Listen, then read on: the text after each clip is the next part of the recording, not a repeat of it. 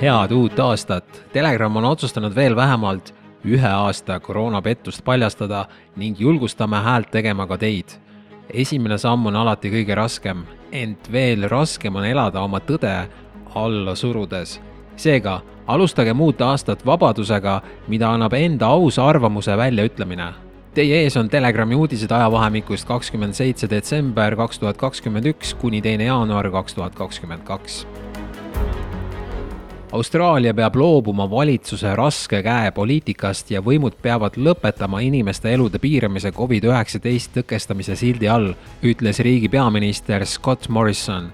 kuigi koroonajuhtumid on detsembris omikroni tüve tõttu rekordilised, rõhutas Morrison, et viiruse leviku piiramine peab taanduma inimeste isiklikule vastutusele, mitte riigipoolsele survestamisele nüüd on Austraalia osariikide otsustada, kas nad peaministrit ka kuulavad või jätkatakse totalitaarse düstoopia elluviimist. We, we have changed now and we have to stop thinking about case numbers and thinking about serious illness, living with the virus, managing our own health and ensuring that we're monitoring those symptoms and uh,, and we keep our economy going.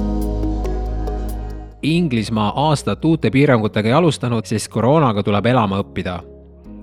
Vaatamata rekordilistele jutumärkides nakatumiste tasemele ei kehtestata Inglismaal veel karme piiranguid, kuna Boris Johnsoni valitsus leiab, et koroonaga tuleb õppida elama olen seisukohal, et peame andma endast parima koos viirusega elamiseks, ütles Briti terviseminister Said Javid, osutades tohututele kuludele, mida piirangud endaga kaasa toovad. peaminister Boris Johnson andis aga märku, et uute piirangute osas, mis puudutavad siseruumides toimuvate sündmuste osalejate arvu, annab valitsus oma otsusest teada uuel aasta esimesel nädalal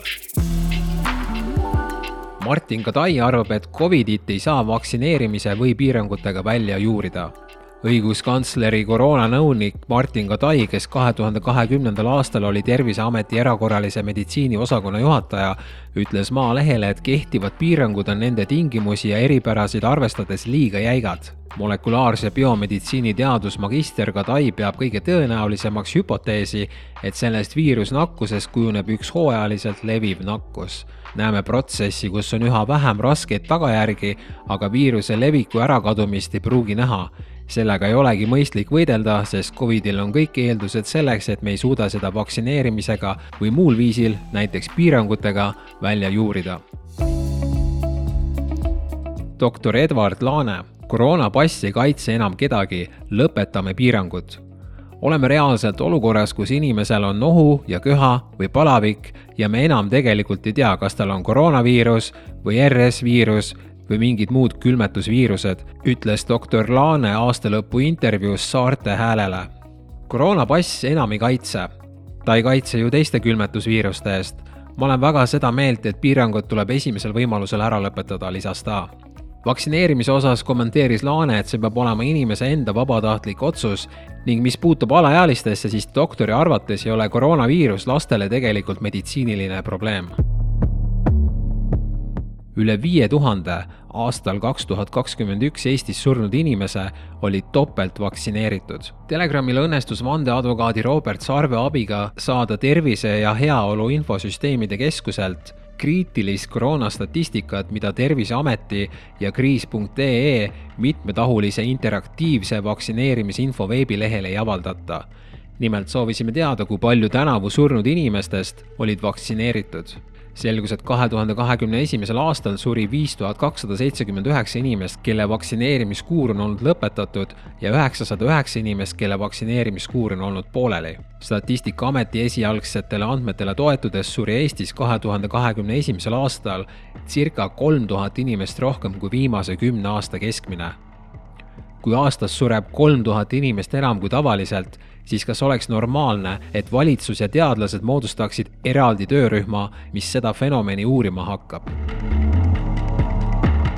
Jaapan lisas Covid vaktsiinide infolehele hoiatused tõsiste kõrvalmõjude eest. Samal ajal kui enamik maailma riike ülistavad vaktsiinide toimet ja suruvad nüüd agressiivselt inimestele peale tõhustusdoose, hoolimata sellest, et reaalne olukord näitab, et Covid levib jõudsalt ka ülikõrge vaktsineeritusega riikides, on Jaapanis astutud samme, et hoiatada oma kodanikke Covid-19 vaktsiinidega seotud tõsiste kõrvalmõjude eest.